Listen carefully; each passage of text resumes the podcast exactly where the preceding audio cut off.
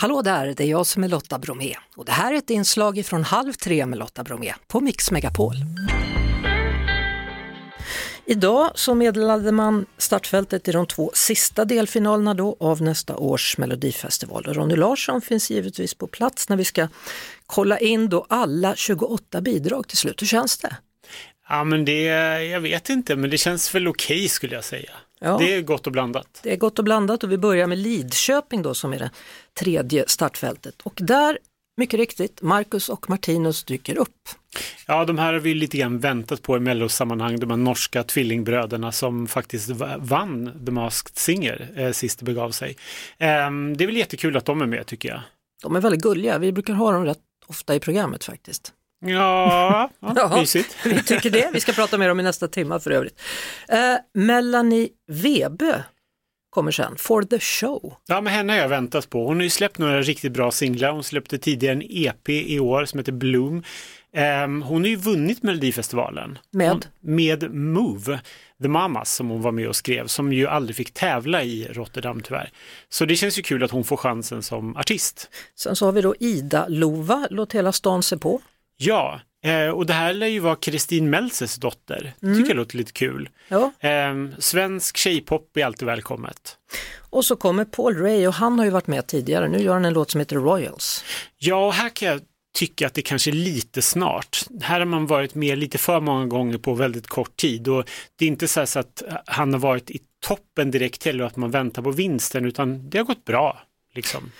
Eh, alltså, vi, vi hade med honom i programmet för några månader sedan och då sa han att han tyckte det var så skönt att skriva låtar och vara hemmapappa.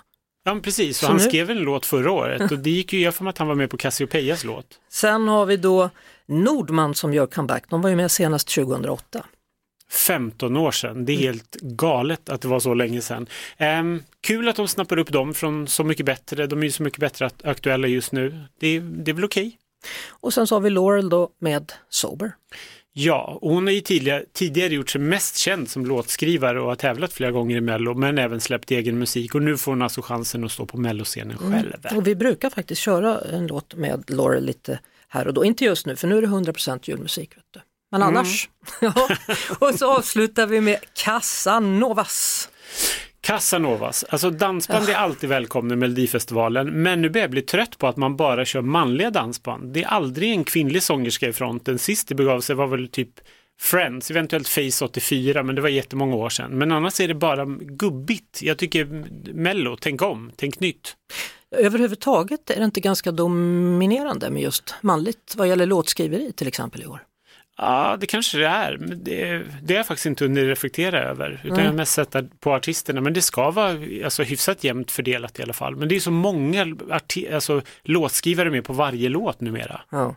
Det är Ronny Larsson som är bredvid mig och vi ska nu gå igenom då det fjärde startfä- startfältet vad gäller Melodifestivalen nästa år. Och då börjar vi med två stycken systrar som heter Signe och Hjördis. Ja, två systrar som är barnbarn till Gullan Bornemark. Ja, det kan jag tycka är det roligaste. Ja, men det tycker jag också. Ja. Det här är jag jättepepp på. Och låten heter ju Edelweiss. Ja, och ändå skulle den vara ursvensk har jag läst någonstans. Ja, ty- tydligen.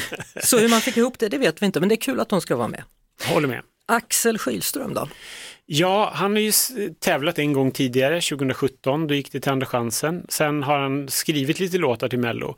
Ehm, jag är lite tveksam till det här, det är väldigt mycket låtskrivare som ska ställa sig på scen igen. Ibland så kan jag känna att vissa människor är gjorda för att skriva låtar och andra är gjor- gör- gjorda för att göra båda två och andra ska vara artister.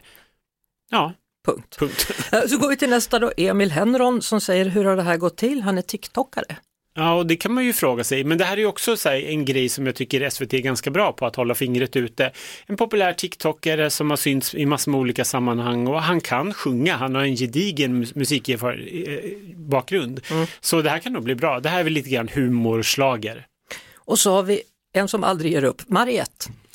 Ja, ehm, jag, vet, alltså, så det blir så här, jag tycker att det är kul att Mariette är tillbaka för jag tror Ja. ändå att hon har ett eh, eh, liksom Eurovision-representerande i kroppen. Men det måste ju vara med rätt låt. Hon har slösat bort de två senaste gångerna tycker jag på ganska onödiga låtar. Hon skulle ha sparat sig till det här, för det här låter bra.